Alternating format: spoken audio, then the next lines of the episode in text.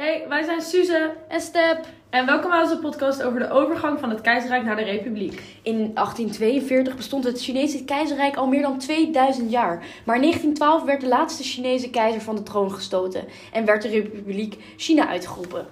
Maar wat was nou eigenlijk de oorzaak van deze overgang en van het keizerrijk naar de republiek? En wat zijn de gevolgen hiervan? Dat gaan we gaan eerst kijken naar de oorzaken. Het begon eigenlijk allemaal bij de Bokseropstand. Dit was een nationalistische opstand gericht tegen de invloed van de westerse imperialistische mogendheden. Eh, De boksersopstand was van 2 november eh, 1899 tot 7 september in 1901. Ehm, het kan, kenmerkende aspect wat hierbij hoort is het vormen van het verzet tegen het West-Europese imperialisme. Want ze stonden tegen ehm, de, eigenlijk het invloed van het westerse, ehm, dat ze eigenlijk te veel in het land gingen bepalen. Ja. Er was steun van de keizerin eh, weduwe Tsi, eh, wat niet vreemd was, want haar macht had ernstig lijden onder die westerse machtsinvloeden in China. Eh, in september 1901 werd na de overwinning van de westerse leiders het Bokserprotocol opgesteld. In dit protocol werden opnieuw eh, her- herstelbetalingen geëist en voor wat, ze door, eh, voor wat ze door de oorlog aan kosten hadden gemaakt en wat ze aan handel verloren waren. Ehm, de belangrijkste leiders van de boksersbeweging werden ook, moesten volgens de ehm, westerse leiders ook gestraft worden. Met Sixi, haar beleid, eh, zij was niet geslaagd om de buitenlandse bemoeienis in China aan te pakken. De laatste hervormingspogingen van het Hof waren niet meer dan slappe pogingen van een stervend rijk. In feite betekende dit eigenlijk al de ondergang van het keizerrijk. Ehm Cixi overleed in 1908 en werd eigenlijk opgevolgd door een driejarige keizer Pui. Ehm, zijn vader heeft nog soort van geprobeerd als regent enig gezag uit te oefenen namens de kleuter. Maar ja, ehm, overal in het land namen eigenlijk de hoge ambtenaren de macht over door zelf militairen in dienst te nemen. En dit was meteen ook het begin van de revolutie. Volgens Sun Yat-sen eh, moest de gehele Qing-dynastie plaatsmaken voor een nieuw systeem, namelijk een republiek gebaseerd op het westerse model. Hij bracht daarvoor eh, verschillende verzetsgroepen samen. Die gezamenlijke naam van deze verzetsgroepen werden de Tongmengyu.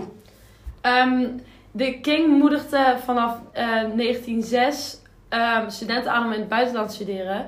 En deze studenten ehm, kwamen met kennis terug uit het buitenland en merkten wat er allemaal mis was in China. En eh, dus er kwam veel kritiek vanuit het beleid van, van Qing.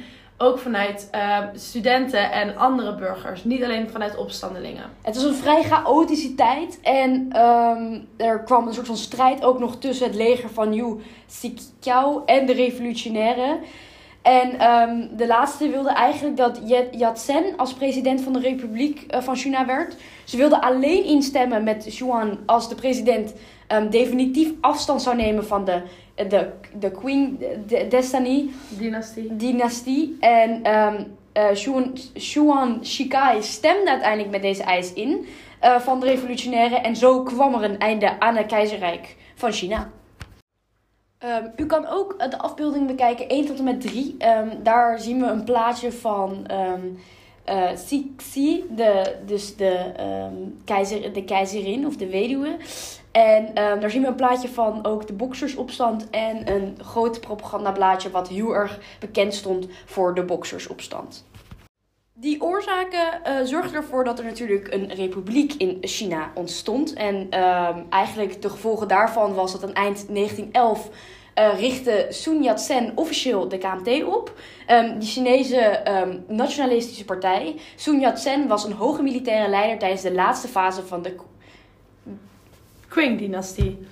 Ehm, even kijken, deze partij streefde naar een politieke hervorming van China volgens eh, drie principes: eh, nationalisme, socialisme en democratie. Eh, de Chinese revolutie eindigde na vier maanden op 12 februari 1912 met de officiële stichting van de Republiek China.